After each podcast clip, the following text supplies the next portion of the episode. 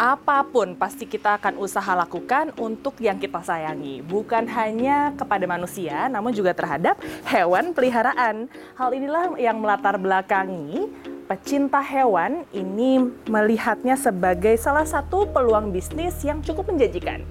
Demi cuan, pecinta hewan khususnya mereka yang bergerak di bisnis pet shop pun membuka layanan dan menambah layanan untuk bisa meningkatkan omset setiap bulannya.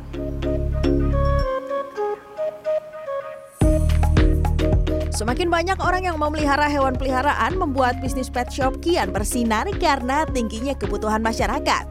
Yang paling banyak dicari adalah klinik kesehatan dan toko pakan hewan. Memiliki latar belakang sebagai dokter hewan yang peduli terhadap kesehatan peliharaan membuat pasangan suami istri Monik dan Mixal tergerak untuk mendirikan sebuah klinik hewan mandiri pada September 2019 lalu.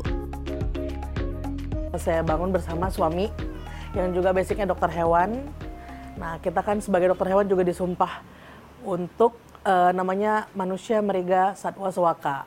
Artinya mensejahterakan manusia melalui kesejahteraan hewan. Jadi intinya kita juga udah disumpah untuk kesehatan hewan itu kita bagaimana mewadahinya akhirnya terbentuklah Mommy Pet Care ini. Bagi Monik, membangun bisnis di bidang jasa bukanlah hal yang mudah. Bisnis pet shop dinilai akan lebih baik bila memiliki layanan yang beragam seperti klinik yang dilengkapi dengan mini laboratorium, penitipan hewan, penjualan makanan dan aksesoris hingga layanan antar jemput anabul. Ketika fasilitas lengkap ditambah pet shop tersebut dapat dipercaya, pelanggan akan menjadi loyal dan setia. Klinik dan makanan aja, kadang-kadang owner juga dok di sini nggak bisa nitip, dok di sini nggak bisa mandi gitu karena mereka ya udah kalau udah percaya di sini nggak pengen ke mana-mana gitu. Sedangkan kan uh, grooming, penitipan itu juga udah satu kesatuan yang pasti hewannya dimandiin gitu kan. Pasti hewannya beli makanan. Pasti kalau misalnya keluar kota hewannya sama siapa? Di sini. Jadi kalau udah percaya sama satu tempat biasanya mereka pasti pengennya di sini aja gitu. Kalau namanya di bidang pet shop itu kita berhubungan dengan jasa ya kan? Kalau misalnya jasa itu ya pelayanan yang paling utama.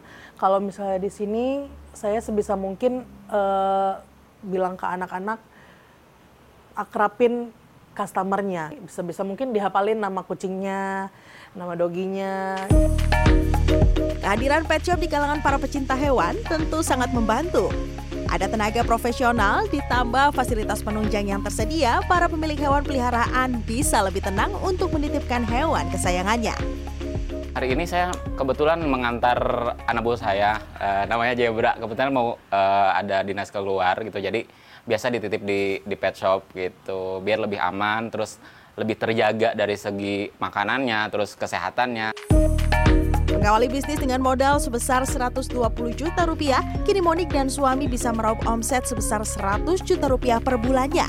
Di tahun keempat, Momi Pet Care pun terus berkembang dan kini telah memiliki empat cabang yang tersebar di Jakarta Timur dan Jakarta Utara.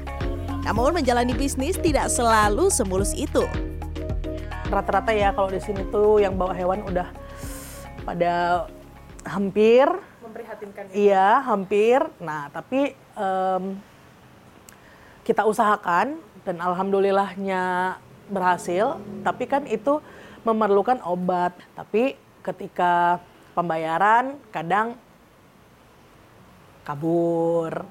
Alasannya uh, ya gimana? Kan sudah memang sudah tugasnya dokter gitu untuk uh, ya membantu istilahnya lah ya ya ya kita juga sebenarnya iya juga gitu tapi harusnya kan saling membantu ya maksudnya saling-saling bisa mikir kalau ini tuh ya memerlukan modal juga.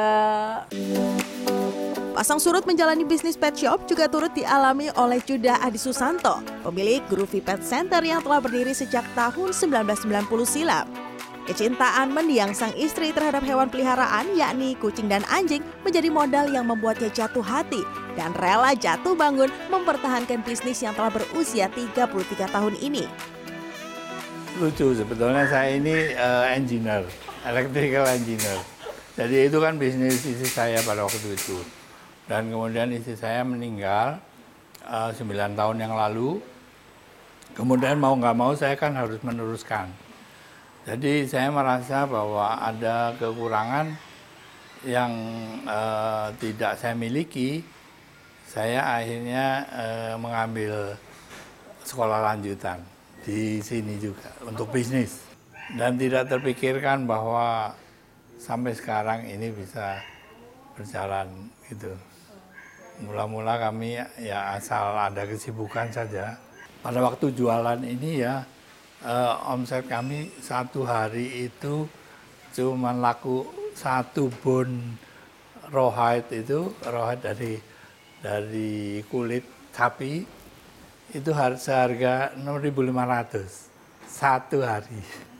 Cuman laku itu aja. Melihat pet shop merupakan salah satu ladang bisnis yang subur di masa kini, dirinya terus berupaya mengembangkan pet center dari hulu hingga hilir.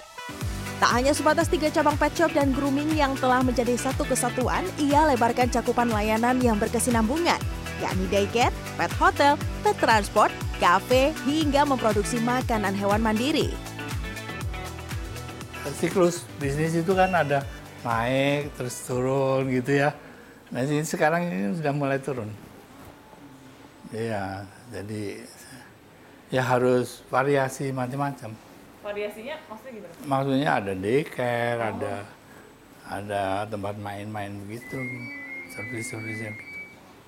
Jadi kalau pet shop saja, misalnya di ruko, itu udah berat sekarang. Saingannya dengan online. Berkembangnya itu ya berdasarkan passion dan keahlian dan ya keberuntungan terutama ya. Eh, ini bukan bisnis instan. Instan artinya langsung dapat untung gitu ya. Karena ini banyak yang putus asa di tengah jalan ketika membuka bisnis seperti ini. Fasilitas di center yang lengkap dan memadai lantas menghasilkan omset ratusan juta rupiah per bulannya. Namun menuju cuan yang menjanjikan ada sejumlah hal yang perlu diperhatikan. Mulai dari pemilihan lokasi yang strategis, pembuatan ruangan yang aman dan steril bagi hewan, serta merekrut tenaga kerja yang kompeten, profesional, dan mengedepankan kesehatan, kebersihan, dan kenyamanan hewan.